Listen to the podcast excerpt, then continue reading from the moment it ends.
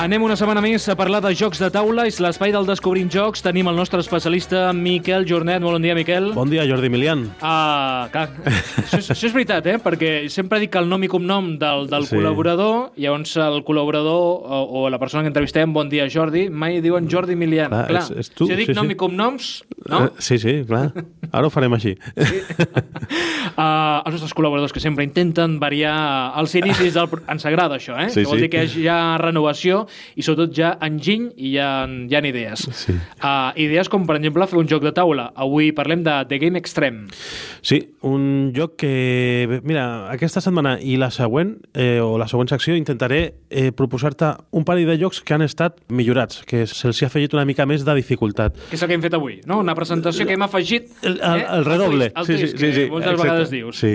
Doncs aquí era l'original era The Game, que era un joc de 2015 que va estar nominat al Spiel des Jahr, a Golden Geek Solo, Golden Geek Card Game, tal. Nominats, no, no va guanyar premis, i ara han tret eh, aquest passat 2016 la versió Extreme, que han afegit una mica més de dificultat. Si vols fem la fitxa i així ja sabem de què parlem. Doncs fem la fitxa, el nom del joc, ja l'hem dit, però tornem a repetir. The Game Extreme de 2016 Els autors, són Stephen Bendorf, que és l'autor original del The Game, i aquí s'ha afegit un altre autor, que és el Reinhard Staub, que és un... Ell ja hem parlat un parell de jocs aquí a la secció, que era el Don Quijote, eh, de fa temps que vam parlar d'ell, i també el True Stories, eh, és l'autor d'aquests dos jocs, però que s'ha afegit, a, ha fet tàndem amb el Stephen Bendorf per fer el The Game Extreme. uh, dissenyador, És eh, Oliver Freudenfreich. l'editor, És NSB, que és eh, Spielkarten Verlag, que és una editorial alemanya. Eh, tot i que el joc es vengui en alemany, tu després et pots descarregar les, la, el, el reglament en PDF en castellà.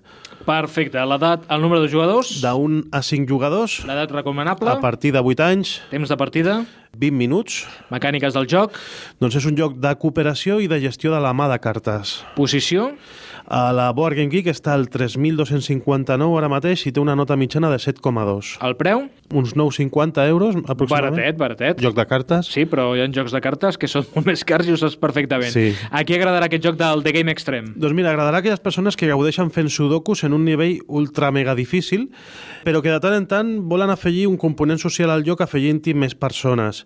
O no, perquè també poden jugar en solitari si volen. Abstingueu-vos si us frustreu a les primeres de canvi. Quan jugues a The Game no saps realment si estàs jugant amb el joc o el joc està jugant amb tu. O sigui que és un... Això, aquesta és la millor promoció d'aquest joc, eh? Tornem a repetir aquesta frase. Quan jugues a The Game no saps realment si estàs jugant amb el joc o el joc està jugant amb tu. Fins aquí la secció d'avui del Descobrim Jocs. Sí, i és una sensació que passa i a mi i és una mica frustrant. Eh, ara, si vols, ho expliquem. Todos los jugadores juegan juntos en un equipo e intentan colocar el número máximo de cartas, a ser posible 98, en las cuatro pilas de cartas, junto a las cuatro cartas de inicio. Durante el juego, los jugadores pueden y deben acordar con los demás jugadores las cartas que van a colocar. Para ello se permite utilizar cualquier forma comunicativa. Lo único que no está permitido es nombrar de forma concreta los números de las cartas. Sí, aquí expliques una mica el resum de, de com va el joc. Expliquem que és una pila de cartes que va del 1 al 100 i estan numerades. De cartes de número 1 tenim 2, de cartes de número 100 tenim 2 i després tota la resta tenim 2, 3, 4, 5, 6, només un, una carta de cada, de cada número d'aquests. Aleshores, es col·loquen els dos uns a la taula i els dos cents a la taula. Tenen una fletxa, el cent té una fletxa que va cap a baix, cap, a, eh, cap al número 2, i els uns tenen una fletxa que va cap a dalt, cap al número 99. Això seria, es col·loquen aquestes quatre cartes, eh, és la disposició inicial i es reparteixen, si juguem eh, de 3 a 5 jugadors, es reparteixen 6 cartes a cada jugador. I aleshores, al seu torn, cada jugador ha d'intentar jugar dues cartes de la seva mà, no, ha d'intentar, no, ha de jugar obligatòriament dues cartes de la seva mà i les ha de posar al costat d'una d'aquestes quatre cartes inicials eh, en funció de, que, de, de fer piles ascendents al costat de l'1, o sigui que vagin del 2 cap al 99, o piles descendents, unes ascendents i les altres descendents, del 99 cap, a, cap al 2.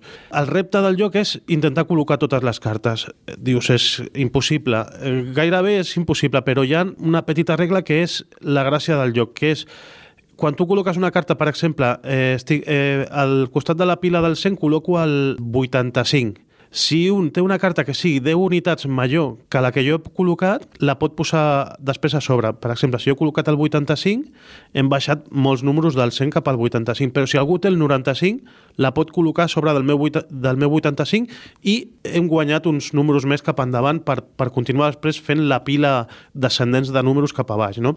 I amb aquesta regla, que també es pot aplicar a les piles ascendents, o sigui, si jo, per exemple, he jugat un 30 perquè estic a la pila que puja de l'1 cap al 99, si algú té un 20, el pot jugar a sobre del meu 30 i tornem a baixar 10 numerets més cap a baix per després tenir una mica més de marge per després pujar cap amunt, no? Sí, podem donar indicacions, com he dit abans, amb els, la resta de companys, perquè aquí podem jugar tots, el, uh, guanyem tots, aquí, sí, no? Sí, una indicació que no es pot dir és a veure si tens un 85, perquè ja estàs dient un número, però si ell tira un 85 i dius, deixa-m'ho aquí, i ell ha jugat dues cartes, doncs te'l pot deixar aquí perquè intueixes que després... Tu no pots dir el número, ni 85, ni 90, ni 3, ni, ni 4. Correcte. En canvi, sí que jo et podria fer a tu, uh, si vull marcar un 1, mm, ensenyar-te amb un dit. No, no, això... Tampoc- eh, tampoc no, no, pot. no, eh, Tampoc ni, ni amb paraula ni amb gestos. Perfecte. El que sí que pots dir és, eh, què us sembla si tiro tres cartes i al final ho acabo deixant en 34?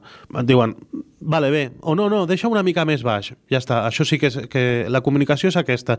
No pots dir números ni fer referència tampoc amb números, ni, però sí que pots dir Ni tampoc tu i jo podrem inventar un codi de que l'1 vol dir això. No, no. Seria molt complicat amb 100 números, Sí, eh? sí, i tant. Eh, eh, Això significaria que tindríem una memòria excepcional, eh? Sí, ah, Ah, per tant, és això. Aquí guanyem tots, o perdem tots. sí, normalment perdrem sempre tots, eh? perquè sí, jo, És el joc jo no me l'he passat. Ah, tu has dit de 1 a 5 jugadors, Sí. per tant està molt bé perquè nosaltres sols també podem jugar. Sí. Uh, potser podríem dir de 1 a 6, perquè el propi joc seria com un participant més, no? Perquè hem de jugar en contra d'ell. Jo crec... Mm, ah, bueno, sí, dius que el, que el Clar. jugador número 6 és el joc. Sí, sí, sí, joc. és com que estem... Sí, sí, sí, exacte. És que a vegades eh, fins i tot ho personifiques, et cagues en ell, perquè no, no, no, te, la- no és fàcil de, de passar. Tallarem això? o què? No, no, tallarem no, tenim un tall pel top B. Ah, vale, sí. vale. Don, doncs això, jo no me l'he passat mai. És un repte que molts jugadors tenim. Un altre dels reptes que tinc pendents és fer 25 punts a un altre lloc de cartes que es diu Hanabi. Jo no ho he aconseguit i mira que he fet partides. I aquest és difícil. I el lloc que m'he explicat ara mateix és el lloc de game. Imagina't si expliquem el lloc extrem. El lloc extrem és, són unes mecàniques que ha afegit el Reinar Staub que són, en al- algunes cartes tenen alguns símbolets i mm, no us penseu que afegiran eh, més facilitat al joc, sinó que afegeixen encara molta més dificultat. Tenim un símbol, per exemple, que és un, una persona que està com parlant però que està tatxada. Això vol dir que si abans podíem tenir una comunicació mínima sense dir uns números, ara ja no podem tenir ni, ni tan sols aquesta quan estigui aquesta carta visible a la pila de cartes.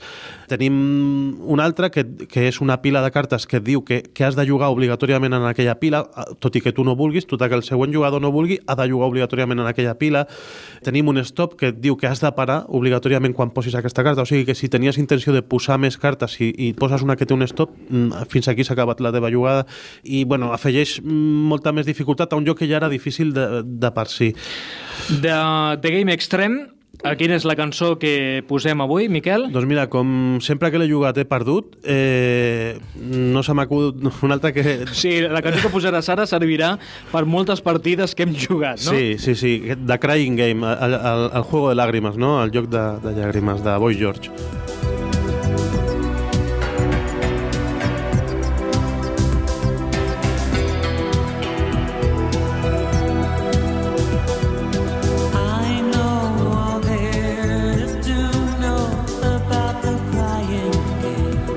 Ens agrada aquestes relacions que fa Miquel Jornet als Jocs de Taula amb la cançó final. Uh, relacions, uh, home, necessiten uh, Una enginy, explicació, eh? i una explicació, Sí. perquè clar, dius, The Crying Game, i estem parlant del The Game Extreme, algú diria, home, Game Game, no? Sí, sí. Dos jocs, però està molt ben trobat, de dius, amb aquest joc és tan complicat que sempre perds, per tant acabes plorant. És el joc de, de llàgrimes, per mi, sí. T'enfades quan perds amb un joc de taula? A mi m'agrada enfadar-me contra els jocs, no contra les persones, i aquest dona la- l'oportunitat perquè és un cooperatiu total. I... Però si jugues eh, contra 3, 4 persones, no sé, a un Catan, un Carcassonne no, i perds, no, no, no, no, jo no sóc d'aquests. A mi a vegades fins i tot... mm, T'has trobat aquest tipus M'agrada perdre perquè perdent també aprens coses, o sigui... mm, Que bé que has quedat ara, Sí, sí, eh? sí, sí, Que sí. bé que has Per- quedat, perdo, Miquel. perdo bastant. Sí? Sí, No sí, crec, sí. no crec. Miquel Jornet, uh, fins la propera. Seguim plorant.